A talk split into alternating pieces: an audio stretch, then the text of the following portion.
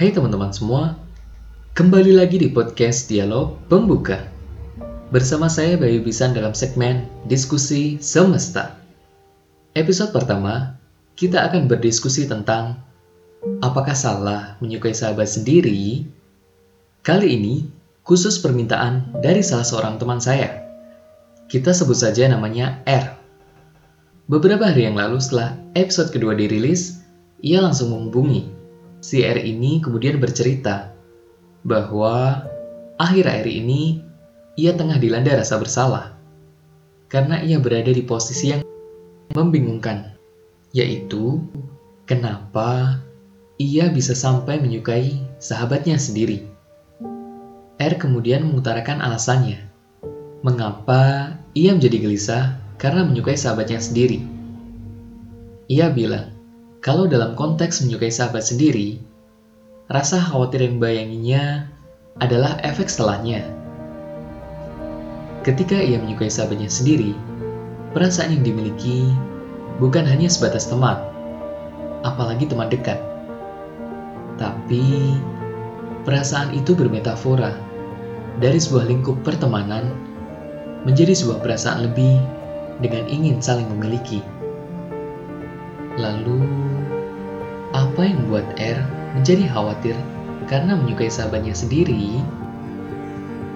Ketika perasaan yang ada dalam benaknya bisa terbalaskan oleh sahabatnya, tentu semakin memperkuat ikatan di antara keduanya. Karena sebelumnya mereka sudah saling kenal dan berteman baik. Menjadi semakin dekat dan merasa tepat karena datang dari orang-orang yang benar-benar kita kenal. Tapi, bagaimana sih kalau perasaan itu tak terbalaskan? Tentu setelah itu, mereka berdua akan ada pada fase yang sangat rumit, yaitu fase canggung satu sama lain. Di mana si R, karena sebelumnya merasakan kekecewaan perasaannya tak terbalaskan, ia akan bingung untuk menyikapinya dan di sisi lain, sahabatnya pun sama. Ia merasa canggung karena telah menolak perasaan si R yang diutarakan sebelumnya. Yang pada akhirnya, rasa persahabatan itu akan luntur dan renggang seiring waktu. Ia juga mengatakan lebih jauh lagi, bagaimana seandainya bila perasaannya diterima, dan pada akhirnya harus berpisah juga. Jawabannya adalah di saat yang bersamaan akan kehilangan dua bagian yang terpenting dalam sebuah hubungan. Yang pertama, sebagai seorang sahabat, dan yang kedua, sebagai seorang pasangan yang memiliki arti mendalam dalam kehidupan. Kemudian, pertanyaan selanjutnya adalah, apakah kekhawatirannya itu memang benar? Kenapa harus dikhawatirkan hal seperti itu? Untuk menjawab itu semua, Selama beberapa hari, aku kemudian menanyai beberapa temanku. Aku sangat penasaran. Bagaimana pandangan mereka terhadap permasalahan yang demikian? Karena menurutku pribadi, satu pandangan saja tidak cukup untuk menemukan sebuah jawaban. Dan memang, setelah kudapatkan berbagai macam jawaban, aku menjadi tahu bagaimana pandangan orang-orang. Ada yang mengatakan bahwa menyukai sahabat sendiri itu tidak ada salah, karena kalau sebelumnya telah bersahabat, mereka akan saling memahami kelebihan dan kekurangan masing-masing. Kemudian, untuk soal jadian, itu nggak apa-apa. Asal keduanya memang saling suka. Ada lagi yang mengatakan, ketika menginjak masa remaja, mulai tertarik dengan lawan jenis, itu ada hal yang wajar dan sangat normal. Berbicara tentang suka, itu bisa dengan siapa saja, tak terkecuali dengan seorang sahabat. Tapi, tapi, ketika berbicara dengan seorang sahabat, kita akan merasakan hal yang berbeda. Kita jadi lebih sensitif, posesif, dan pengen diperhatikan hanya oleh satu orang saja. Yang biasanya saling ketawa, saling mengejek, kali ini itu terasa spesial dari biasanya. Nah, itu adalah argumen dari mereka mengenai apakah salah menyukai sahabat sendiri. Sekarang, aku juga pengen ngasih pandanganku gimana soal menyukai sahabat sendiri. Aku punya dua pandangan, yaitu hal yang pro dan kontra. Yang pertama, menurutku menyukai sahabat sendiri ada hal yang bagus. Karena kita sebelumnya sudah menjalin hubungan pertemanan yang dekat. Dari pertemanan itu, kita tahu bagaimana baik buruknya masing-masing. Karena sudah saling menerima, mengerti, dan memahami, itu adalah pondasi dasar yang akan sangat berperan untuk hubungan yang lebih serius. Apalagi jika keduanya memang sudah ada perasaan yang dipendam lama. Tentu, setelah perasaan itu diungkapkan, hubungan persahabatan biasa akan menjajaki hubungan yang lebih serius dan itu sangat baik. Dengan kita menyukai sahabat kita sendiri, kita sudah berada di posisi yang tepat, di mana kita sudah punya tempat untuk bercerita segala hal yang meresahkan, dan kita merasa percaya kita tak perlu canggung untuk menceritakan apa kegelisahan kita. Tak perlu takut soal privasi, karena kita sudah mempercayainya. Malahan, dengan kita bercerita dan memecahkan masalah bersama, jawaban yang akan tercipta akan membuat masalah berat sekalipun mudah untuk dicari alternatifnya. Jawaban yang diberikan pun tentu akan mengembalikan moodmu yang berantakan sebelumnya. Karena sebuah jawaban yang diberikan oleh orang yang disayang akan punya makna mendalam. Tapi ada hal yang perlu diingat. Kita tak bisa memandang segala hal dari sisi positif saja.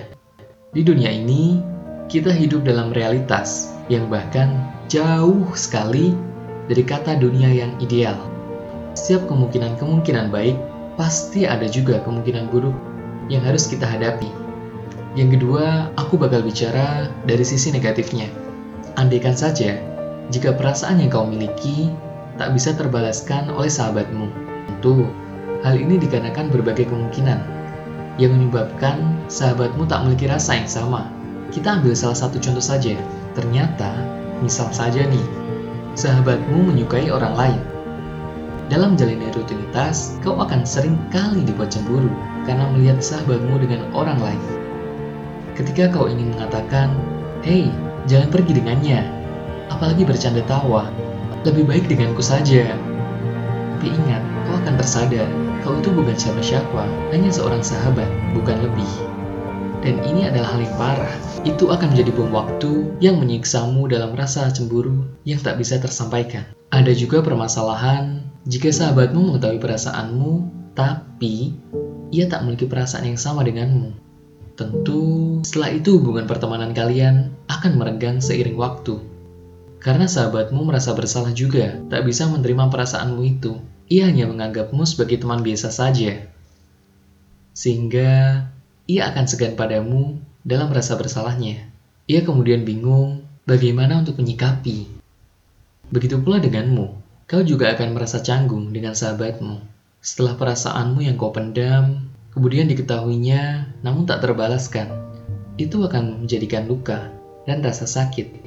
Ternyata perasaan yang kau pendam hanya dianggap biasa saja, dan kau kau mulai bingung, kau mulai menjauhinya. Kau ingin bangun suasana ulang, tapi perasaan yang sama tak akan tercipta lagi, dan hal terburuk, persahabatanmu bisa renggang dan putus. Oke, itu tadi hanya dua alasan, tapi sebenarnya banyak lagi jika ingin kusebutkan. Bagaimana jika kita berasumsi saja ketika perasaanmu sudah terbalaskan oleh sahabatmu, tapi setelah beberapa lama, mungkin, mungkin saja, tapi semoga tidak, Mungkin saja terjadi pertengkaran hebat di antara kalian yang mengakibatkan putusnya hubungan. Jika itu terjadi, kau tak hanya kehilangan sebagai seorang pacar, tapi juga kau kehilangan seorang sahabat. Dari apa yang kukatakan, dan juga beberapa pendapat dari teman-temanku, itu hanya sebuah pandangan yang bisa kuhadirkan dalam podcast ini.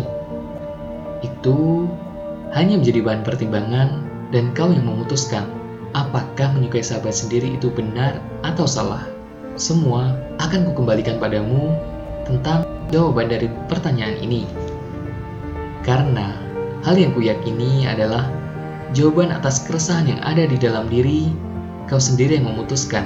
Keputusan yang kau ambil akan menentukan jalan ke depanmu, jalan yang akan kau tempuh. Tapi, ada satu hal, harus kau ingat, kau harus bisa memanage perasaanmu itu ketika menyukai sahabatmu sendiri, karena menyukai orang lain ada hal yang wajar, tak terkecuali sahabatmu. tak masalah menyukai sahabat, tapi tetap ingat, jangan sampai, jangan sampai perasaan yang kau miliki malah membuat persahabatan kalian kemudian merenggang. Baiklah, aku kira cukup sekian. Tak kerasa, cerita udah panjang banget. Oh iya, buat teman-teman lain, kalau ada pembahasan lain yang ingin diangkat dalam podcast, bisa juga hubungi kami di Instagram dan juga Twitter. Terima kasih telah mendengarkan podcast Dialog Pembuka. Tunggu kami di episode berikutnya. See you next time. Bye.